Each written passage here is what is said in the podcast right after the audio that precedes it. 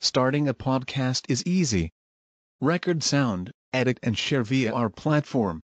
Anchor is the easiest way to create podcasts, Spotify's offering to you. Distribute your podcasts to the most popular listening platforms, including Spotify, Apple Podcasts, Google Podcasts, and more, with just one tap. Download the free app to start your podcast with the versatile platform from Anchor. Thank you. Bismillahirrahmanirrahim. Alhamdulillah hamdan katsiran tayyiban mubarakan fi. Kama yuhibbu rabbuna wa yardah. Asyhadu an la ilaha illallah wahdahu la syarika lah. Wa asyhadu anna Muhammadan 'abduhu wa rasuluh. صلى الله عليه وعلى آله وأصحابه ومن تبعهم بإحسان إلى يوم الدين أما بعد أخواني الكرام رحمني ورحمكم الله Sebelumnya di sini ada pertanyaan bagus berhubungan dengan sebuah asar yang diriwayatkan oleh Abdullah bin Ahmad dalam kitab Az-Zuhd. Demikian pula dari jalan beliau Abu Nuaim meriwayatkan dalam Al-Hiliyah.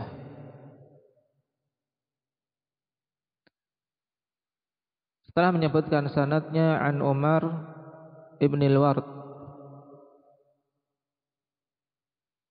an Umar ibn al-Wardi qala qala li Atha yakni al-Khurasani in istata'ta an takhluwa bi nafsika 'ashiyata 'arafah faf'al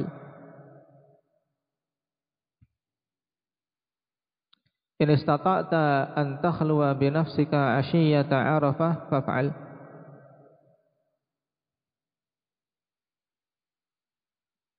Kata Atta Al-Khurasani rahimahullah ta'ala Jika kau mampu untuk berkhulwat yaitu bersendirian dalam engkau bermunajat kepada Allah Subhanahu wa taala menyendiri untuk dia berzikir atau berdoa ya ini stata'ta an takhluwa bi nafsika asyiyata arafah fa'al jika engkau mampu untuk bersendiri dengan dirimu sendiri tidak dengan yang lain tidak sibuk dengan muamalah dengan manusia tapi saat itu dia betul-betul menyendiri konsentrasi berzikir dan berdoa. Asyiyata arafah faf'al pada sore hari di hari arafah maka lakukanlah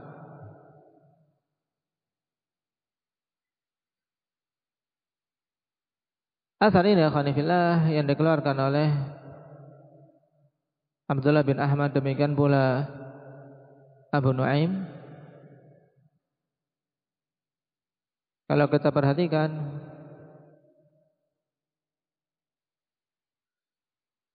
dari sanatnya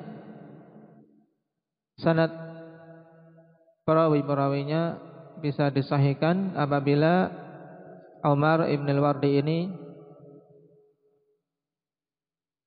ya.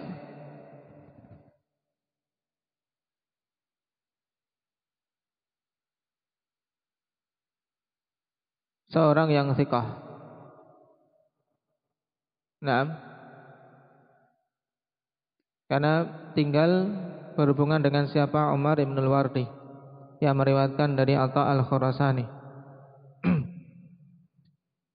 Cuman untuk asar yang hubungannya dengan targhib seperti ini biasanya tidak terlalu ketat dalam masalah tashih dan tan'if. Tinggal ditimbang dengan dalil-dalil yang sahih perkataan tersebut. Kalau perkataan itu menyelisih dalil-dalil yang sahih dari Al-Quran maupun As-Sunnah maka kita tinggalkan. Nah, walaupun sanadnya sahih kepada yang mengucapkan. Adapun yang dikatakan oleh Atta Al-Khurasani di sini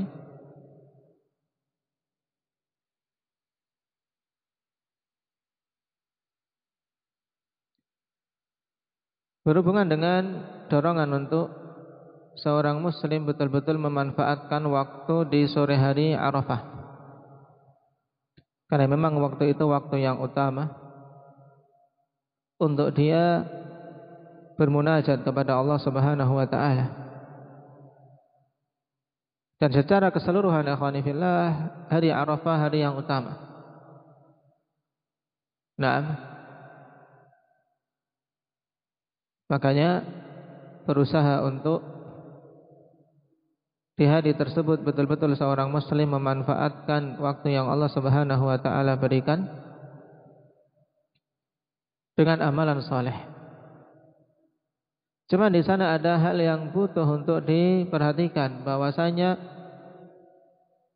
mengkhususkan nah di sore hari Arafah tersebut untuk datang ke masjid berkumpul kemudian berdoa seakan-akan seperti orang-orang yang melakukan haji di sana. Nah, yang diistilahkan dengan istilah at-ta'rif. Ya. At-ta'rif di masjid-masjid pada hari Arafah ini termasuk bid'ah. Ya.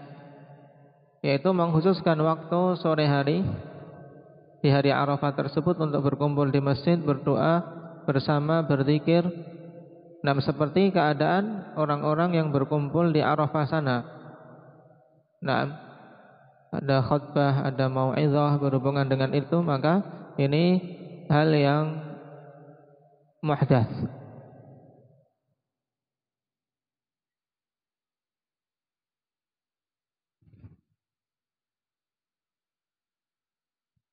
Ditanyakan kepada Malik Ibn Anas rahimahullah taala dalam riwayat Ibnu Wahb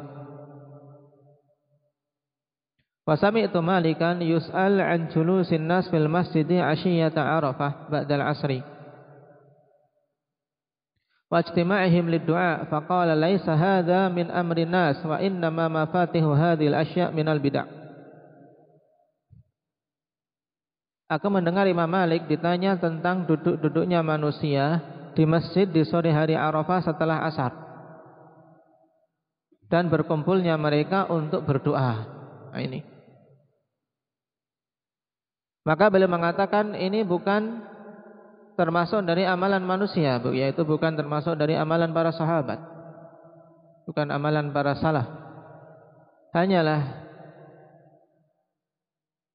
kunci-kunci dari perkara ini nah termasuk dari kebid'ahan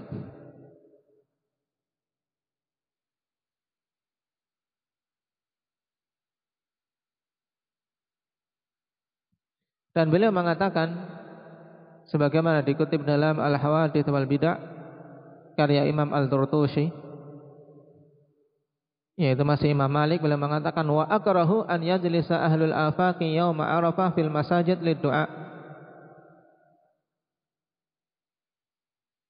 Wa man istama ilaihi an-nasu liddu'a falyansarif. Wa muqamuhu fi manzilihi ahabbu ilayya fa idza hadaratis shalah raja'a Aku membenci untuk seseorang ya aku membenci ya penduduk-penduduk duduk pada hari Arafah di masjid-masjid untuk berdoa dalam artian mereka berkumpul mengkhususkan di sore hari datang ke masjid untuk doa. Nah, ini beliau mengatakan wa akrah. Dan kalau mutakaddimin kalau seperti ini menunjukkan bahwasanya mereka melarang. Maka siapa saja yang berkumpul kepadanya manusia untuk berdoa di waktu itu maka hendaknya dia pergi. Tinggalkan. Dan keberadaan dia di rumahnya lebih aku sukai. Dalam artian sudah ibadah di rumah sendiri. Kalau ingin menyendiri berkhulwah. Di waktu di hari-hari Arafah memang sangat dianjurkan untuk memperbanyak amalan soleh ikhwan zikir qiraatul Quran sedekah nah dan seterusnya. Selain amalan pokok yaitu apa? Dari Arafah Abdurrahman puasa. Nah, puasa Arafah. Nah, dia tinggal di rumahnya itu lebih utama dan beramal soleh di rumahnya salat. Nah, kalau sore tidak bukan tempat untuk melakukan salat sunnah, tapi untuk azkar. Kemudian apabila telah hadir waktu sholat dia kembali ke masjid, sholat di masjid. Nah,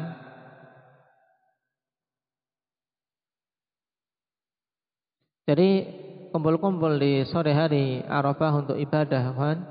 Ini, nah untuk berkumpul-kumpul di masjid maka ini termasuk perkara yang muhdats.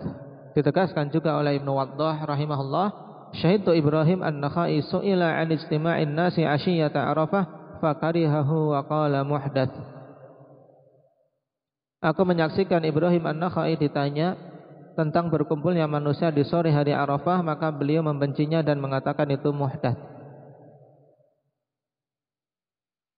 Sehingga mengkhususkan untuk itu sehingga sore hari berkumpul atau sehari mengkhususkan untuk doa maka ini Nah, bukan perkara yang dikenal di kalangan para salaf ya kawan.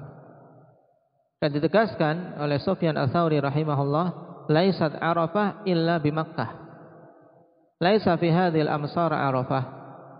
Dalam artian Arafah itu tidak ada kecuali di Mekah sana yang apa memang mereka wukuf ya kan saat itu.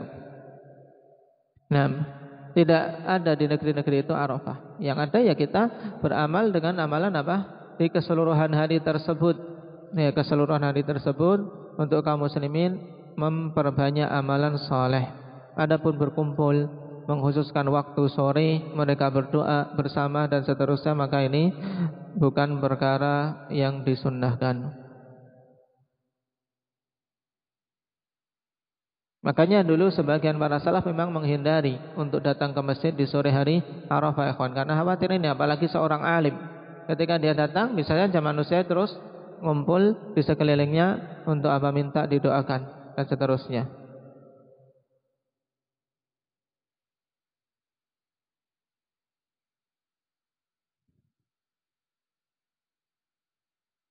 Nah, makanya disimpulkan oleh Imam Al-Turtusi dengan kesimpulan yang baik ikhwan dalam Al-Hawadith wal Bidah. Kata beliau, "Fa'lamu rahimakumullah anna haula'i al-a'immah alimu fadlan du'a yauma arafah. Ketahuilah rahimakumullah bahwasanya para imam-imam tersebut mengetahui keutamaan doa pada hari Arafah. Walakin alimu anna dzalika bimautini Arafah. Akan tapi mereka tahu bahwasanya yang demikian itu tempatnya di Arafah, la fi ghairiha, bukan di tempat lain. wala mana'u man khala bi nafsihi fahadarathu niyyatun shadiqah an yad'u Allah taala. Nah, dan mereka tidak melarang. Mereka tidak melarang siapa saja yang kemudian menyendiri. Dalam artian di hari itu menyendiri, kemudian hadir dalam dirinya niat yang jujur untuk berdoa kepada Allah, silahkan, tidak dilarang. Kalau seorang berdoa sendiri di hari itu memperbanyak doa di hari Arafah karena memang itu hari utama, Nah, maka silahkan. Wa inna ma karihul hawaditha fid din wa an yadhunnal awam anna min sunnati yaumi arafah iril afaki al-ijtima'u wa du'a. Akan tapi mereka membenci adanya perkara-perkara baru di dalam agama ini. Dan dan mereka membenci orang-orang awam menyangka bahwasanya termasuk sunnah di hari Arafah di keseluruhan tempat untuk apa berkumpul dan berdoa. Fayatada'al amru ila an yudkhala fid din ma laysa minhu sehingga na'am hal ini mendorong untuk dimasukkan ke dalam agama ini perkara yang bukan merupakan bagian darinya. Baik.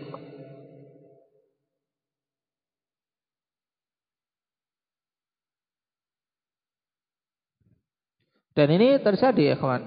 Beliau kisahkan di Baitul Maqdis sendiri. ketika Imam Al-Tutusi berada di Baitul Maqdis mendapati manusia di hari Arafah ya mereka berkumpul datang ke masjid kemudian berdiri di masjid. Ya, berdiri di masjid menghadap ke kiblah kemudian mengangkat suara mereka berdoa. Seakan-akan mereka memposisikan diri seperti di Arafah. Ini yang disebut dengan ta'rif mereka yang merupakan bid'ah. Dan ini jelas merupakan perkara bid'ah.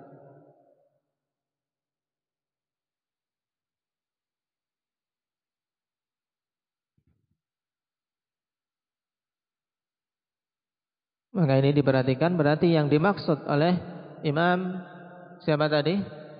Atta Al-Khurasani rahimahullah taala untuk dia menyendiri dalam artian tadi menghindari apa?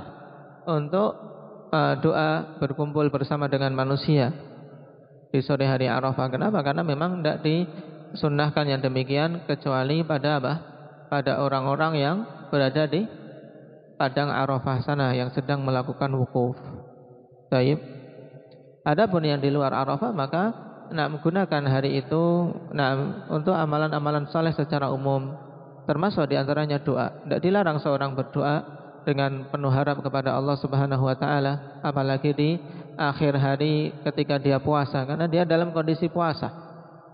Dalam kondisi puasa, nah termasuk di antara mau kondisi yang mustajabah. Nah, sedangkan para jamaah haji disunahkan puasa Arafah tidak? Ah, tidak disunahkan puasa Arafah. Baik.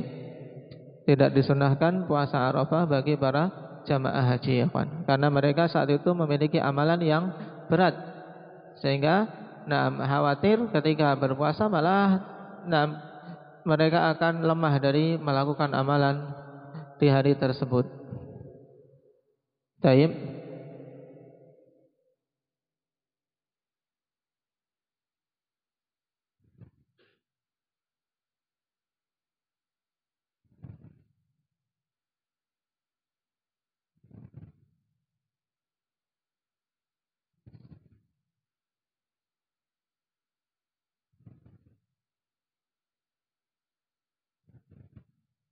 Jadi kesimpulannya Afanifillah ini yang butuh untuk kita perhatikan. Dari di sore hari Arafah kalau seorang memaksudkan untuk datang ke masjid mengkhususkan untuk berdoa. Maka ini apa? Termasuk dalam kategori apa? Bid'ah. Nah, kalau dia bersama-sama doa bersama-sama maka ini terjadi kesepakatan, akhwan, sepakat di antara para a'immah tentang kebid'ahannya.